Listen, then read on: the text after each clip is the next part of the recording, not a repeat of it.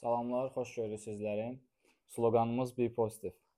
Bugünkü mövzumuz sizlərlə olacaq, siqaret çəkmək haqqında olacaq. Çünki günümüzdə ə, e, bu məsələ çox qlobal bir məsələdir. İnsanlar tərəfindən daha çox şikayət olunan, insanların daha belə deyim, həyatlarına zərər verən, yəni sağlamlığına zərər verən bir ə, e, prosesdir. Əfsuslar olsun ki, çox insanlar bu haqqda fikirləşmirlər.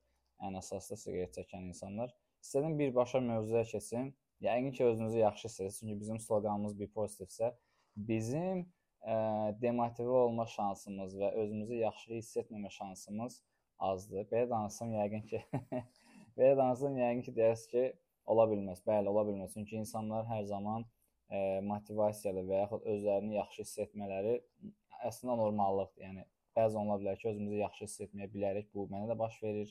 Biz normal olaraq insanıq və bu halların baş verməyi əslində normaldır.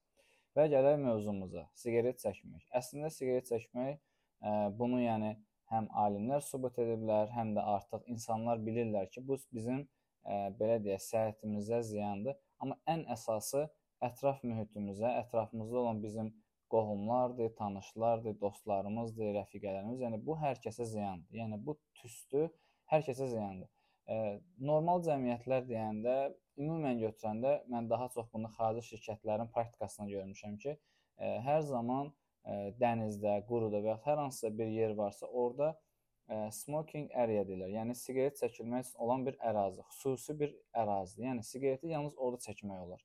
Və bu da insanlarda bir formala, fikir formalaşdırır ki, yəni ətrafda olan digər insanlara zərər verməyək, ə, onlar bu tüstünü qəbul etməsinlər və yaxud hər hansı bir təhlükələr baş verəndə ə, siqaretdən hər hansı bir belə deyim, təhlükəli hadisələr baş verə bilər, partlayışlar və yaxud digər hadisələr.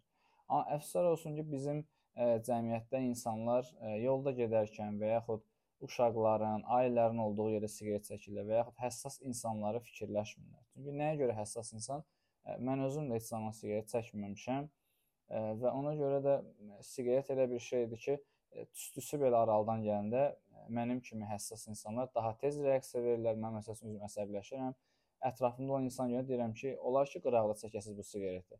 Yəni insanlar bunu özləri dərk etməlidirlər. Sadəcə ə, e, bilmirəm, dərk etmək istəmirlər və yaxud ə, e, bilmirəm, düşünmək istəmirlər. Çünki bu hallar çox baş verir və mən çox zaman sual vermişəm və çünki mənə maraqlıdır həqiqətən. Yəni həqiqətən bu siqaret tüstüsü nə verə bilər insana? Yəni həqiqətənmi o bizim ətrafımızdakı olan insanlardan, qohumlarımızdan, tanışlarımızdan və yaxud ailəmizdən, övladımızdan bu qədərmi dəyərlidir ki, insanlar bu siqaretdən iradələrini yüksək tutub qurtula bilmirlər? Çünki bu elə bir şeydir ki, yəni həqiqətən də bu test olunub və test olunub ki, insanlar siqareti atandan sonra normal yuxu yatıblar, dincələ bilirlər, həyatları normala gəlib, yəni çünki çox təsir edir. Sadəcə bizim cəmiyyətdə belə bir şey var. Bayaq qeyd etdim ki, mən araşdırıram, sual verirəm insana ki, bu siqareti nəyə görə çəkirsən? Və gələn suallar belədir. Biraz gülməli səslənə bilər. Kişiliklə əlaqəlidir.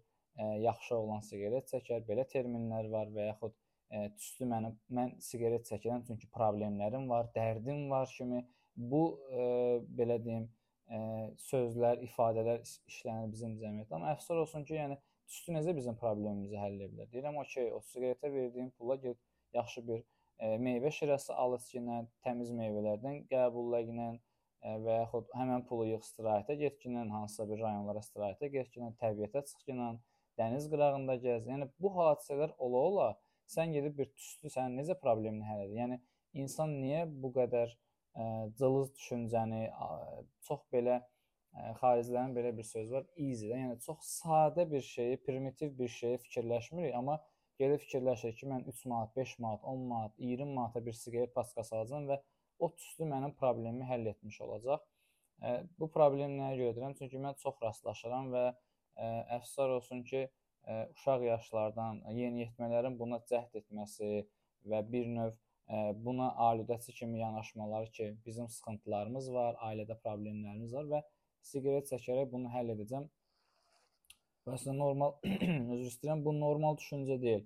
Məsəl üçün bizdə belə bir deyim var, daha çox kişilərdə bu baş verir ki, məsəl üçün institutda qəbul oldun, bakalavr oxuyursan və yaxud əsgərliyə gedirsən və yaxud magistr oxuyursansa, bu hadisələrdə bir növ keçidlər baş verdiyi üçün ə, keçidlərdən sonra bir növ ki, hə bu bu da siqaret çəkəcək. Amma mən hər zaman inad göstərmişəm. Bakalavrda, əsgərlikdə də, magistrda oxumuşam, amma heç birində belə deyim də o bir şans yaranmayıb ki, ayda mən məsəl üçün də o depressiyaya düşdüm və ya problemlərim var. Bu siqareti çəkəcəm, mənim problemim həll olacaq və hər zaman insanlara bir qıraqdan qəribə gəlir "A, necə olur sən siqaret çəkmirsən?" E, belə bir şey var. E, bunu Hüseyn Dəriyə demişdi. E, Allah onu rəhmət eləsin. Hüseyn Dəriyə demişdi Əli Mirəliyevə ki, insanlar ağıllı və müdrik insanlardır. Fərqi nədir? Fərq ondadır ki, ağıllı insanlar məsələn siqareti bir dəfə çəkir, sonra ağıllanır, heç vaxt çəkmir. Amma müdrik insanlar onu bildikləri üçün heç vaxt onu çəkmirlər. Ona görə mən bunu həyatıma tətbiq etmişəm və nələr ki zərərlidirsə, mən onları heç istifadə etmirəm və bilirəm ki, müdrik davranmaq lazımdır. Nəyə görə mən öz səhhətimi e, birincisi e, ziyan verməliyəm öz səhhətimə və yaxud ətrafımda olan insanlara. Yəni siqaret çəkən insanlar bunu bilirlər. Sadəcə e, bir şey maraqlıdır ki, insanlar bilirlər və bilə-bilə də bu prosesə davam edirlər. Yəni icazə verirlər ki, öz səhhətlərinə ziyan vursunlar, ətrafdakı insanlara ziyan vursunlar. Çünki burada sadəcə çox sadə fikirləşmək lazımdır. Əgər biz sağlam mühit, sağlam cəmiyyət istəyiriksə, bundan qurtulmalı. Çünki normal cəmiyyətdə sağlam düşüncəli insanlar belə şeyləri fikirləşmir. Yəni hər bir insanın xoşbəxt olmaq və yaxud öz istirahət vaxtlarını deyim, e, belə deyim, istədiyi şeyləri, hobbiləri var, istədiyi şeylər var, hansılar ki, qidalardır, içkilərdir, onları yemək, qəbul etmək istəyir, amma düşünək ki, bu ə, necə deyək, bizim sağlamlığımıza ziyan verməyən olsun, ətrafımızda olan insanlara ziyan verməsin. Çünki bax bizim cəmiyyətdə belə bir şey var da. Cəmiyyət üçün yaşamalıyıq. Cəmiyyət üçün. Okay, sən cəmiyyət üçün yaşayan deyən insanların %99% siqaret çəkir və ətraf mühitdə bizim cəmiyyətimizi zəhərləyir. Amma gələndə danışanda nəsə deyəndə, hə, sən bu hərəkəti eləməsən, bu sözü demək ki, bizim cəmiyyətimizə sən ə, səhv yol aparmış olursan. Yenə də burada əsas məsələ gəlir ə, e, başlanğıcı düşüncə. Yəni insanlar düşünməlidirlər ki, ə, e, bu siqaret tüstü mənə ziyandır, yaxşıdır, pisdir. Mən bunu istifadə edirəm. Bunun mənə xeyri varmı? Çünki mən bu yaşıma kimi, 29 yaşıma kimi qarşıma nə qədər insanlar çıxıb, dostlar, qohumlar, tanışlar və onlara sualım bu olub ki, bax mənə sübut elə ki, mən bu siqareti çəkəcəm və mən yaxşı olacam. Mənim həm sağlamlığıma ziyan olacaq və yaxud mənim hər hansı problemimi hər həll edəcək və yaxud mənə bu ə, e, yaxşı gələcək. Yəni bu yaxşı bir şeydir. Məsəl üçün mən hər hansı bir meyvəni yeyəndə özümü yaxşı hiss edirəmsə, vitamin qəbul edirəmsə, bunda da olsun. Deyir, yox, ziyandır, sən çəkin, məsləhət görmürəm. Okay, yəni sən bunu bilirsən ki, ziyandır. Nəyə görə bundan istifadə edirsən? Əfsus olsun ki, bu suala cavab tapa bilmirlər. Ə, e, və həqiqətən də bizim cəmiyyətimizdə bu siqaret mövzusu çox dərin mövzudur. Yolda gedərkən mən hər zaman qırağa qaçıram ya geriyə qalıram ki, həmin siqaret çəkən insan getsin, o tüstüsün iyi getsin. Çünki çəkməyən insanlar üçün bu daha həssas olur və yaxud asma xəstələri ola bilər, digər xəstə insan ola bilər ki, onlara daha pis təsir edə bilsin. Amma əfsuslar olsun ki, bizdə cəmiyyətdə insanlar bunu fikirləşmir. Okay, ə, deyəm ki, siqaret çəksənsə hər hansı bir qıraqda dur günə. Biz sənin fikrinə hörmətlə yəni biz demirik çəkməyinin. Özün bilərsən. Biz sənə sadəcə yollarını deyirik və deyirik ki, bu ziyandır. Okay, sən istifadə etmək istəsənsə, bu sənin həyatındır. Amma sən digər insanların da həyatını zəhərləyirsən. Yəni bunu dərk etmək üçün ə, e, hər hansı bir ali təhsilə ehtiyac yox. Sadəcə ə, e, günümüzdə internet var, Google var, axtarıb araşdıra bilərsən ki, bunu zaten alimlər sübuta yetiriblər. Sadəcə yenə deyirəm, insanlar bilirlər və yenə də buna davam edirlər. Və bəzən onlara deyir, bilirəm, bu mənə ziyandır. Amma eybi yoxdur da, olub.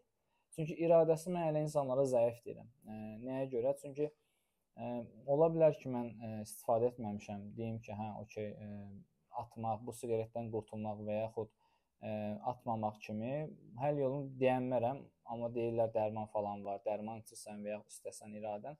Amma iradəli insan olmaq lazım. Məsələn, mən öz həyatımda ə, iradəmlə ə, onlayn oyunlar bilirsiniz ki, xəstəlikdir. Yəni yeniyetməli yaşda mən də oynamışam, xəstəlik kimi, amma iradəm yüksək olub hər zaman okey, 1 il oynadım, okey, mən bunu qoyuram qırağa.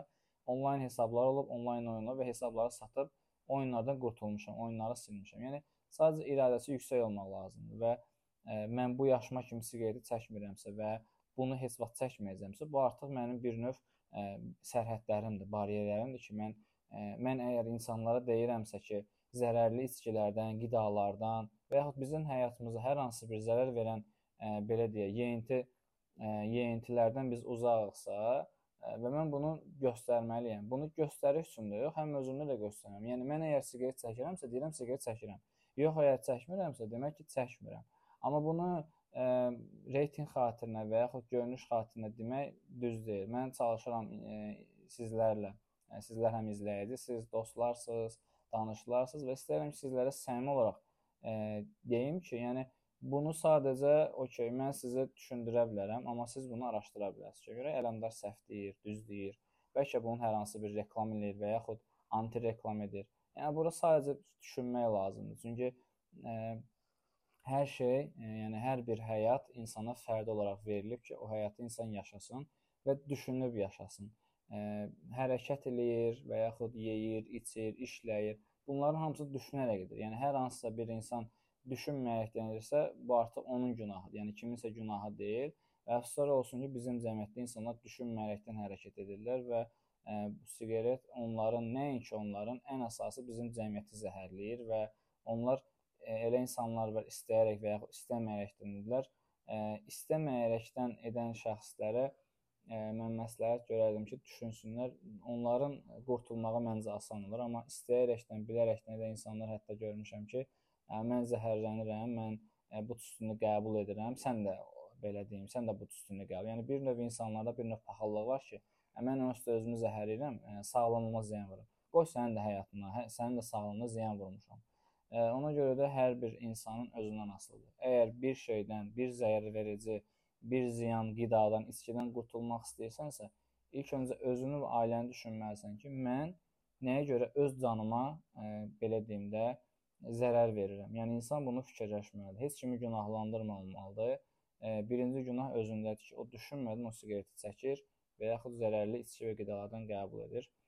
Yəqin ki, sizlər üçün bu mövzu maraqlı olur, çünki bu mövzu haqqında bir sosial mediadan əlaqəli bir paylaşım etmişdim ki, insanlar da bəzən siqareti necə ki, qanunsuz yerdə, qadağan olunmuş yerlərdə siqaret çəkirlərsə, baxmayaraqdan, bilməyərəkdən Bu sosial mediada belədir ki, insanlar qaydaları bilmədən pozurlar və əfsuslar olsun ki, qaydaları diqqətlə oxumurlar.